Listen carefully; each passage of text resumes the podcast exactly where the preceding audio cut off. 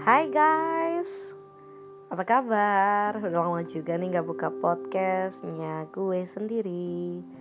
Dan malam hari ini tiba-tiba rindu mau ngoceh-ngoceh sendiri Mau bahas topik yang lagi happening banget.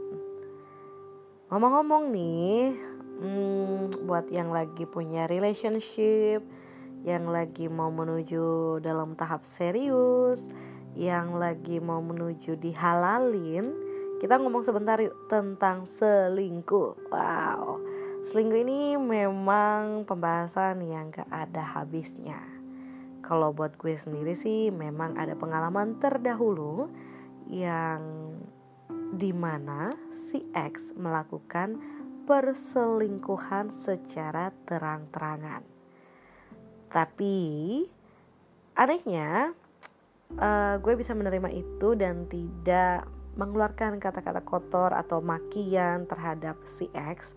Karena kalau sampai mengeluarkan kata-kata kotor atau makian terhadap si X menurut gue sih kayaknya kurang elegan ya. Kurang kurang gimana ya? Kayaknya kampungan banget gitu kalau sampai harus membuang energi untuk marah-marah sama si X gara-gara dia selingkuh Well, ada yang punya pengalaman yang sama atau ternyata uh, setelah diselingkuhin akhirnya jadi serius terus mereka nikah. Nah, kalau pandangan kalian sendiri seperti apa sih kalau selingkuh itu? Kalau menurut gue sendiri sih ya, selingkuh. Selingan gak kukuh. Ah, apa sih garing? Krik krik krik. selingkuh. Selingkuh itu katanya sih buat orang yang pernah melakukan enak. Ada kayak sensasi gitu dia melakukan perselingkuhan dengan orang lain entah itu wanita atau pria. Bagi dia ada sensasi tersendiri saat lo bisa melakukan perselingkuhan. Kalau gue dulu sebagai korban rasanya benar-benar sakit. Sakit yang gak ketulungan saat lo membina hubungan ya almost two years lah gue dengan si X. Terus secara nggak sadar gue nggak tau sih uh, kadang nih perkataan kita apa yang kita lontarkan ke pacar kita bisa aja membuat dia sakit hati. Dan ini kronologinya menurut si X perkataan gue yang sepele sih menurut gue tapi sensitif karena menyangkut uang So bagi dia uh, perkataan yang gue lontarkan itu menyakitkan hatinya sehingga dia udah mulai pudar rasa kasihnya, rasa cintanya ke gue.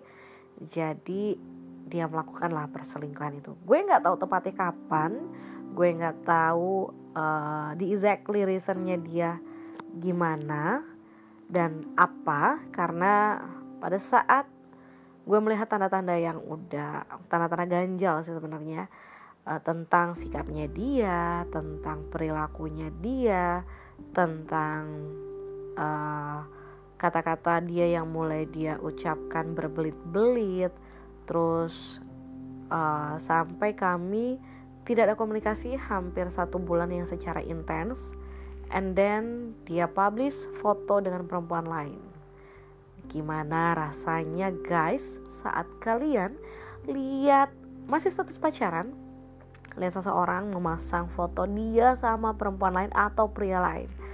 Duar rasanya kayak disambar petir. Karena kenapa? Gue udah percaya banget sama dia. Gue udah yakin banget dia bakal gue bakal nikah sama dia. Gue udah yakin banget he is the best man I ever had tapi ternyata gak semua yang gue pikirin gak semua yang gue kira itu benar. So saat gue mengetahui gue melihat langkah pertama yang gue lakukan adalah tidak mengontak dia.